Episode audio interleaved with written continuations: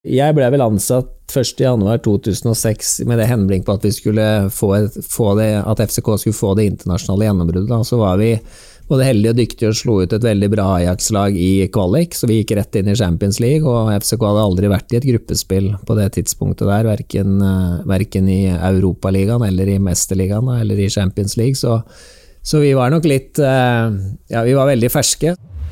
Vi skal tilbake i tid. Året er 2006. Ståle Solbakken er relativt fersk som manager for FC København. På motsatt banehalvdel står en av verdens største fotballklubber, Manchester United.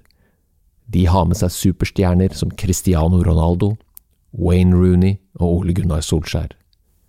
Det er onsdag kveld. Flomlys.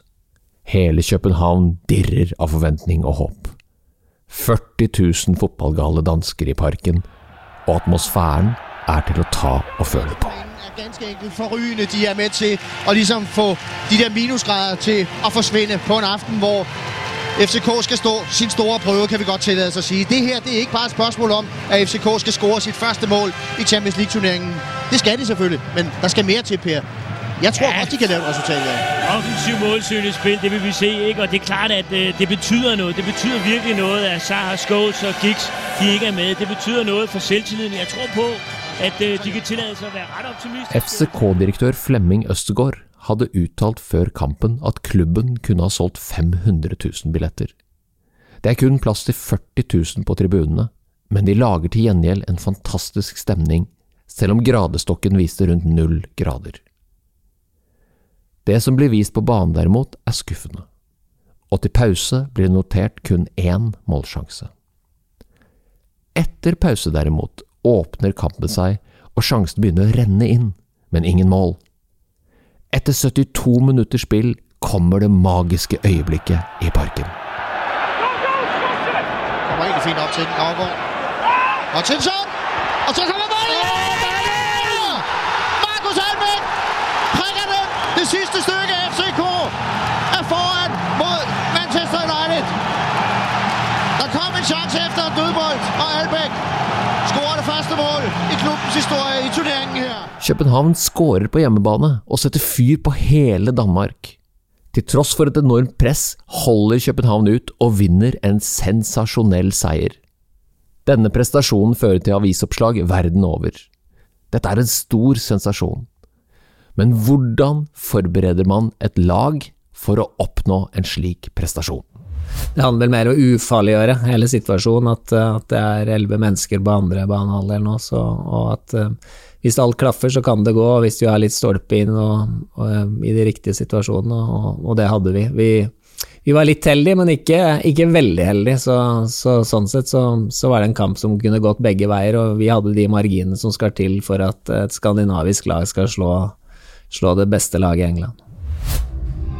Mannen som hadde marginene som skulle til, og som vant mot det beste laget i England, er Ståle Solbakken. Ståle Solbakken. Ståle Dagens store nyhet. Ståle Solbakken tar over jobben som Norges landslagssjef i fotball. Ståle møter nå kanskje sin største utfordring noensinne. Hans store oppgave blir nå å oppnå noe hele landets fotballsupportere lengter etter, nemlig å ta Norges herrelandslag i fotball til et sluttspill. Noe vi ikke har klart å gjøre siden 2000. Ståle Solbakken har hatt en fantastisk karriere, med mange opp- og nedturer. Fra å starte trenerkarrieren i HamKam, som førte til direkte opprykk på første forsøk, blir han etter hvert ansatt i Nordens største klubb, FC København. Her har han hatt stor suksess over to lengre perioder. Ståle har også vært innom Köln i Tyskland og Wolverhampton i England uten stor suksess. Dog er det ingen tvil om at Ståle Solbakken er en fantastisk fotballtrener og manager. Entusiasmen rundt Norges fotballandslag er større enn den har vært på lenge. Og fotball er interessant for mange, men det er ikke det vi skal dekke i denne podkasten. Det finnes det mange andre gode arenaer for. Så hvordan er Ståle Solbakken som leder? Og hvilke paralleller kan vi trekke til suksess i idretten over til en leder i næringslivet? Hva kjennetegner tankesettet og metodene til Ståle, og hva kan vi lære av dette? I dagens episode er jeg nysgjerrig på å høre mer om 1. en landslagstreners ledelsesfilosofi. 2. Hvordan få individualister til å opptre som et lag. Og 3. Hvordan bearbeider han motgang og nederlag når laget han trener taper en kamp. Mitt navn er Tor Haugnes. Velkommen til podkasten All in med Oslo Business Forum, en podkast for ledere som er lidenskapelig opptatt av ledelse, innovasjon og strategier.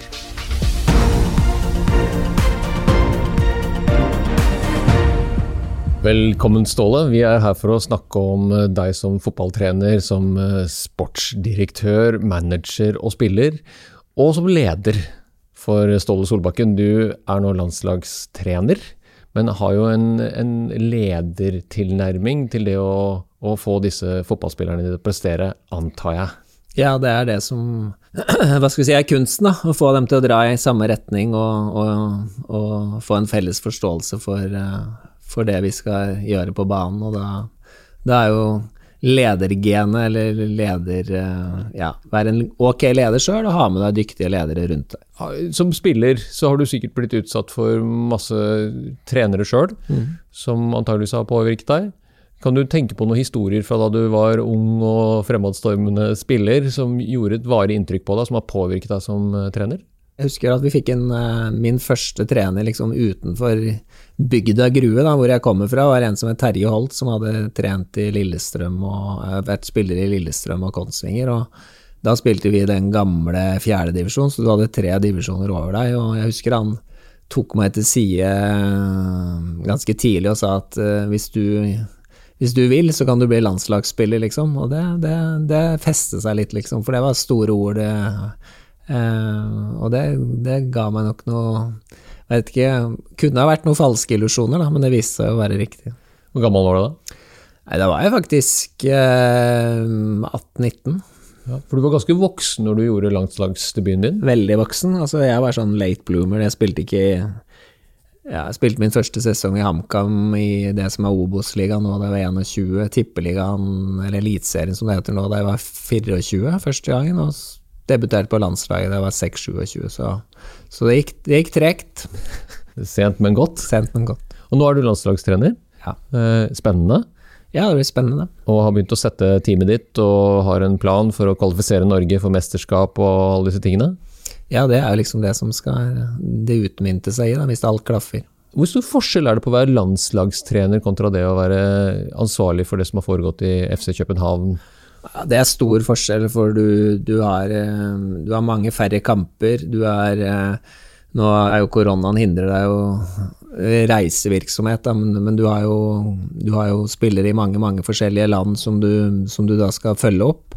Eh, det blir jo nå via, som alle gjør, via digitale verktøy, holdt jeg på å si, så, så, det blir jo annerledes. Men du har ikke den der everyday life på treningsbanen som, som kanskje er som det kanskje du savner litt, da, og særlig disse tider her. Men samtidig så har jeg hatt de som du starter med, vært både manager og trener i, i seks år nå, og det er to veldig tunge jobber begge to, og det er veldig sjelden du har de samtidig. Så, sånn sett så passer det meg veldig, veldig bra nå også gjøre noe annet, og, og, sammen med andre mennesker, og ha en annen inngang på, på ting.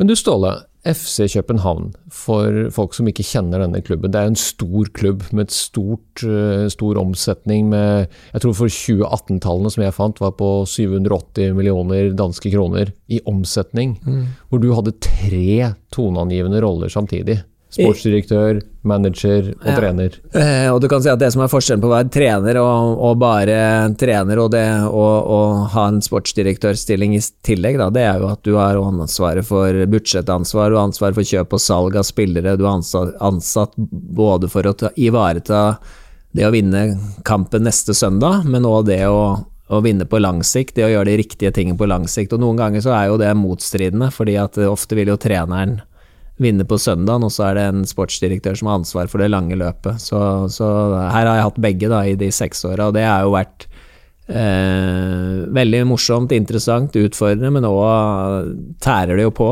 Eh, for det er jo veldig sjelden du har en sånn dobbeltrolle, og FC København er jo den største klubben i Norden, eh, uten tvil. Du, i denne managerrollen i København så har du jo oppnådd veldig mye. Og det store høydepunktet tok vi vel for oss i introduksjonen av podkasten. Mm. Men hvordan tenker du, Ståle, som trener og motivator på individnivå for å få spillerne dine til å jobbe som et lag? Det handler vel om at det er elleve forskjellige mennesketyper, altså som det er i alle andre, enten det er et klasserom eller det er en bedrift eller hva det er, så, er det, så tenker folk forskjellig.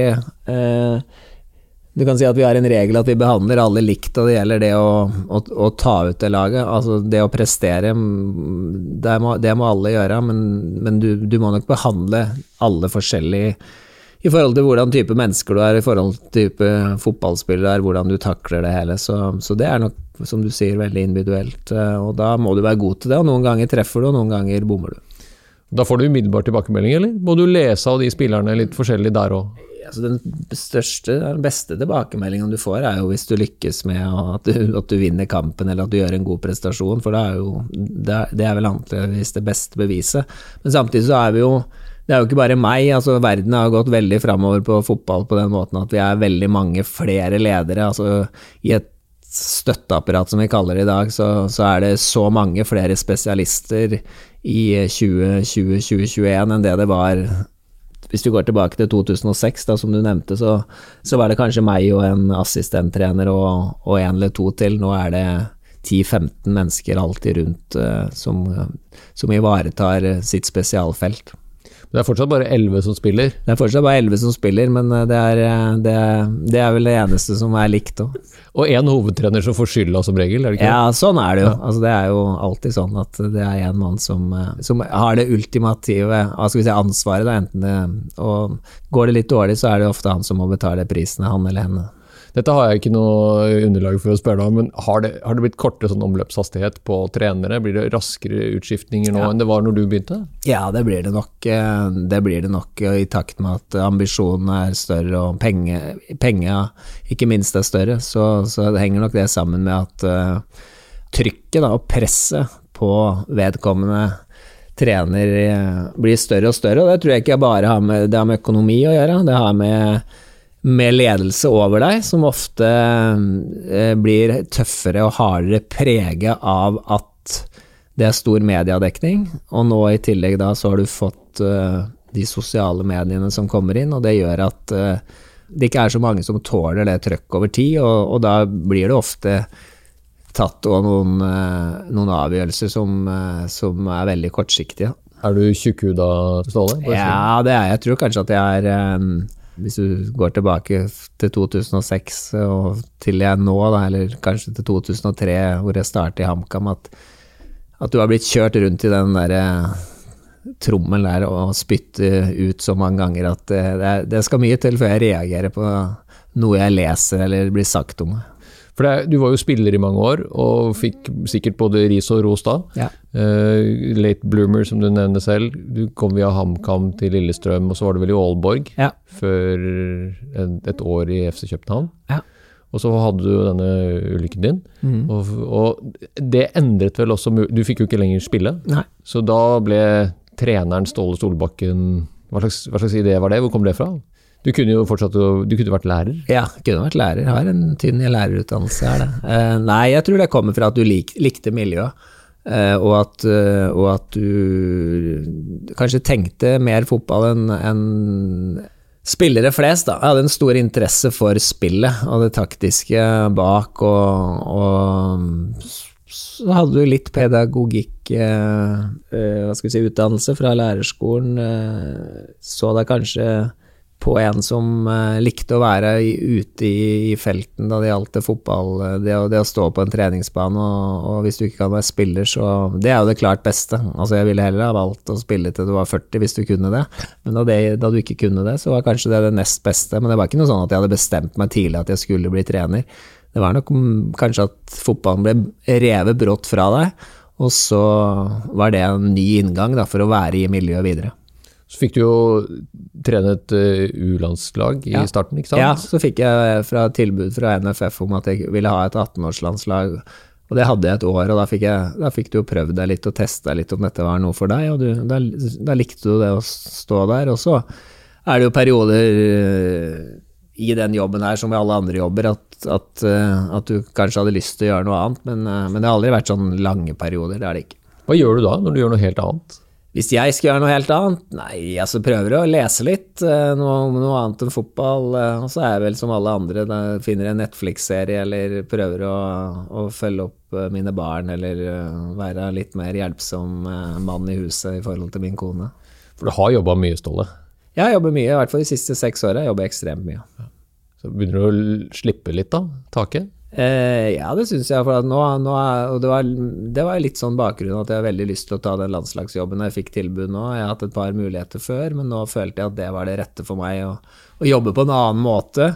Eh, andre typer forberedelser, eh, andre typer innganger, andre typer tilganger, samtidig, kan, eh, samtidig som du kan styre dagene dine litt mer sjøl, da. Eh, selv om det fortsatt er mye jobbing, så er det på en måte litt annerledes. Og så er det jo andre typer spillere nå, med, med utrolig interessante ferdigheter som, som landslagssjefen vil eh, rå over. Eh, Hvordan ville Ståle Solbakken ha hevda seg i gjengen med Martin Ødegaard og Erling Braut Haaland og disse typene? Eh, nei, jeg var aldri på det nivået der. Jeg bruker jo å si at da jeg spilte, så var jeg veldig, veldig god i Skandinavia, og så var jeg helt middels internasjonalt. Men jeg, men jeg var veldig bra på å forberede meg, jeg var alltid klar. Eh, og det gjorde at jeg fikk eh, ganske mange landskamper, at jeg kunne, kunne gjøre flere roller, da. Eh, men jeg var ingen Ødegaard, jeg var ingen Haaland, det var jeg ikke. Og jeg var jo heller ingen Jeg var heller ingen Rekdal, Myggen eller Leonardsen da heller, så jeg, jeg spilte jo litt av det var noe Eller ganske mye, da. For det var jo alltid noe gærent med noen, og det var sjelden noe gærent med meg sånn fysisk, så, så jeg var som regel klar til å spille.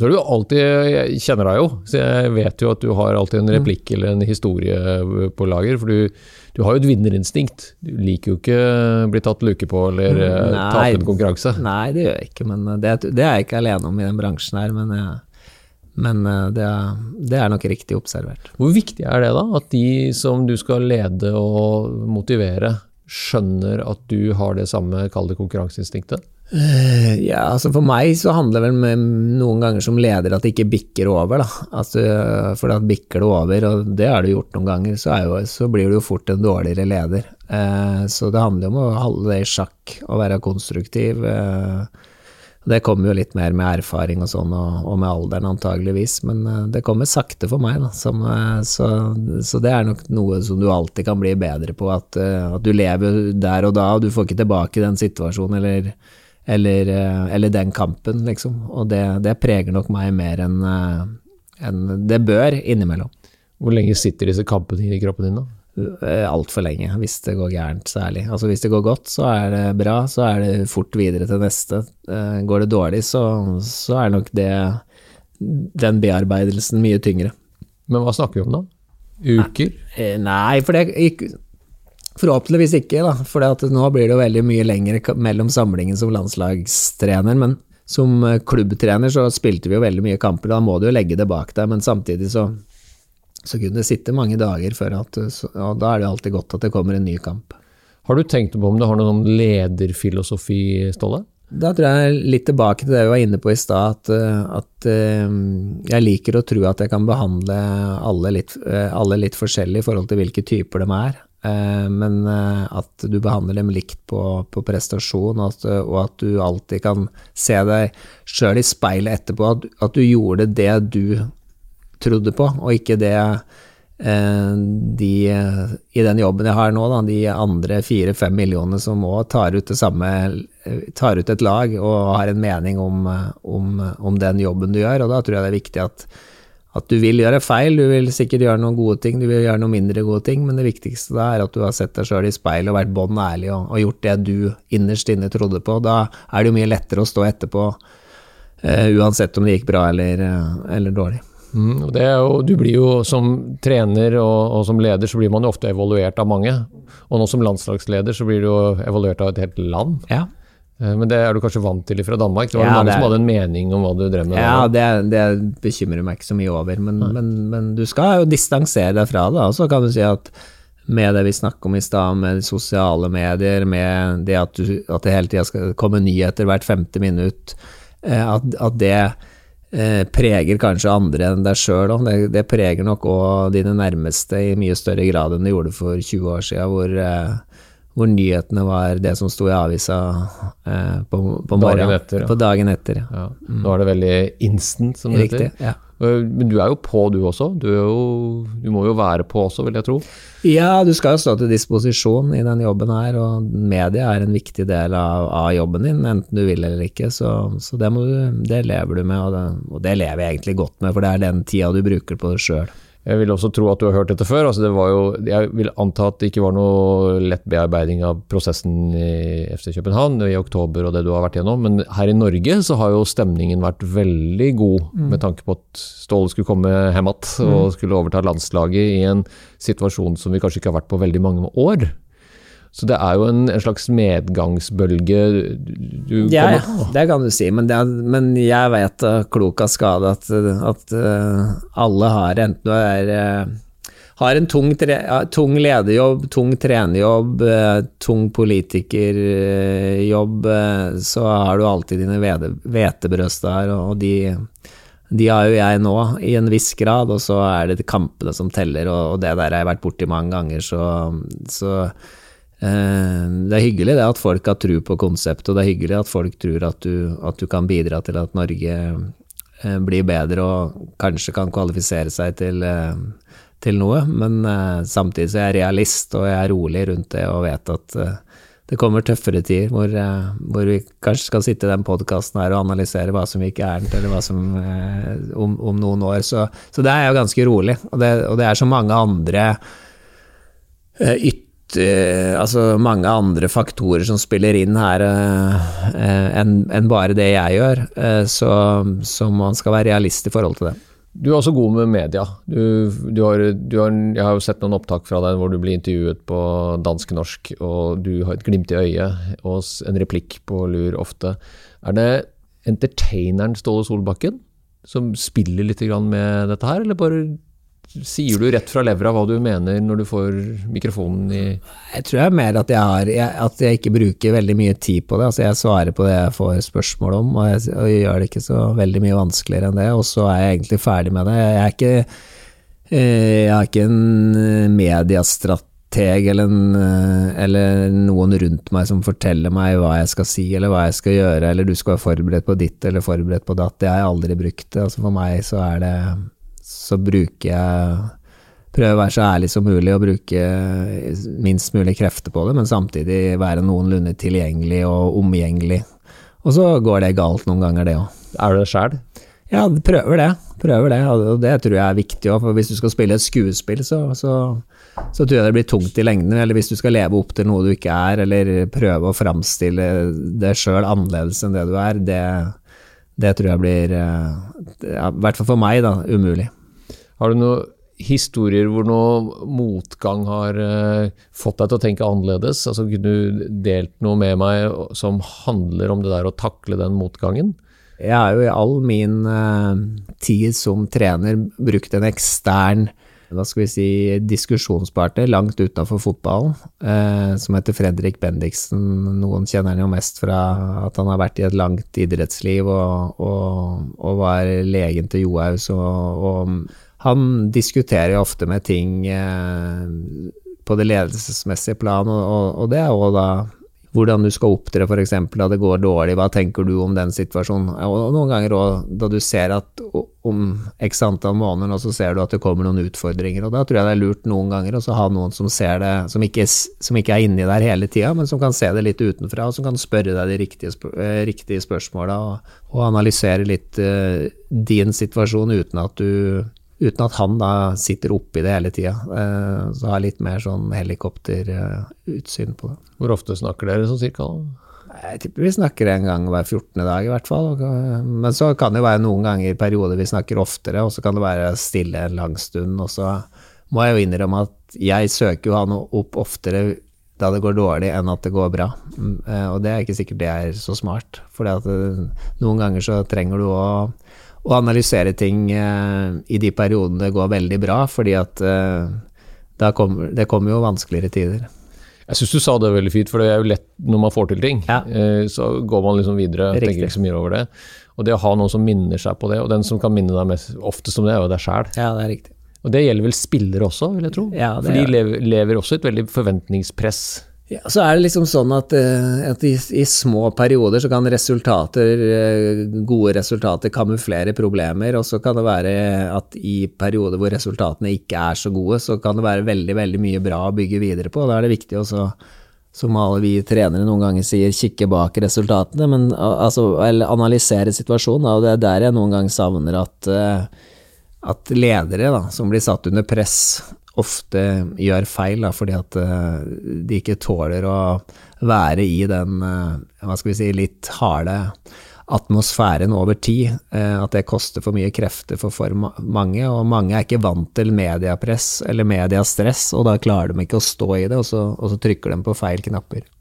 Veldig klokt sagt. og erfaringsbasert, vil jeg tro, for du har jo vært der? ja, mange... det er erfaringsbasert både som spiller og som trener. Ja, altså, jeg har jo sett det både som uh, spiller og jeg har sett det også som, og som trener. Og så har jeg jo også opplevd da sterke ledere, sterke uh, uh, sjefer, som har lett for å stå i det, og, da, som, og det kommer det som regel noe veldig godt av på den andre siden. Hvis vi skulle prøve å gi noen råd overførbart, tenker du? Nå, nå, kjenner jo du til eh, organisering mm. og business også, Ståle. For eh, dette er en podkast om ledelse og mm. innovasjon og strategi. Mm. mm. Noen sånne råd fra Ståle til lytteren? Eh, så, så, så, på det ledelsesplan så er, jeg, så er jeg veldig opptatt av at ærlighet uh, varer lengst. At det der å være veldig direkte i kommunikasjonen, selv om det gjør vondt, eh, det tror jeg er ekstremt viktig. Det å kunne se folk i øya og si det du mener, eh, selv om det er vanskelig, det, det må man bare ta sats og få gjort, selv om det, det koster ofte veldig mye krefter. Eh, men det er, det er godt etterpå. Og så tror jeg det handler mye om at, som i det vi var inne på litt i stad, at forskjellige mennesker eh, krever forskjellige oppfølginger, eh, men ærlighet må, må være i bunnen, enten det er gode beskjeder eller dårlige beskjeder. Og så tror jeg man skal huske å rose de, de beste. Altså, I hvert fall i et lagspill som vi er, så, så, er det noen ganger at du tar for gitt at noen presterer, og de, og de kanskje noen ganger ikke blir sett. og Det er viktig å se de òg, og det er viktig at de òg får utfordringer. I, i, hverdagen. Det kan òg være enten det er en fotballag eller en bedrift eller eller noen, så kanskje du, du tar noen for gitt, og så, og så, glemmer du å følge opp de i, i hverdagen. Det kan òg være farlig, fordi at eh, det er ofte de som til syvende og sist skal bringe deg gjennom, og, og som kan uh, gi deg det ekstra. Masse lykke til med landslagsjobben, Ståle. Tusen takk. Ståle Solbakken er en erfaren leder med en klar og tydelig ledelsesfilosofi. Hvor hvordan han ønsker å fremstå, og hvordan han behandler mennesker, er sentralt. Ståle snakker om viktigheten av åpenhet og ærlighet for å etablere den tilliten du trenger når du skal påvirke andre. Og i hans tilfelle en gjeng dyktige individualister som skal opptre som et lag. Jeg hadde kanskje forventet meg noen flere kvikke kommentarer, for han er kjent for det, Ståle.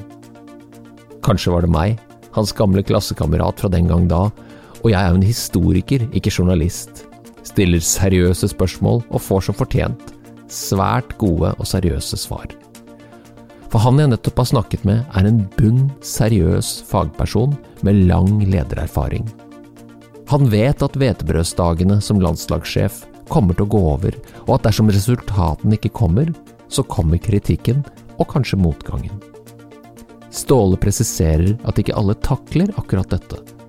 Lederrollen er krevende, men han har stått i slike utfordringer før, samlet erfaring, og sier at så lenge du gjør ditt aller beste, og vet at du har gjort så godt du kan, så er det faktisk ikke så mye mer du kan ha gjort. Hvis du likte denne podkasten, hadde vi satt utrolig pris på om du abonnerte og gir oss en tilbakemelding i avspilleren.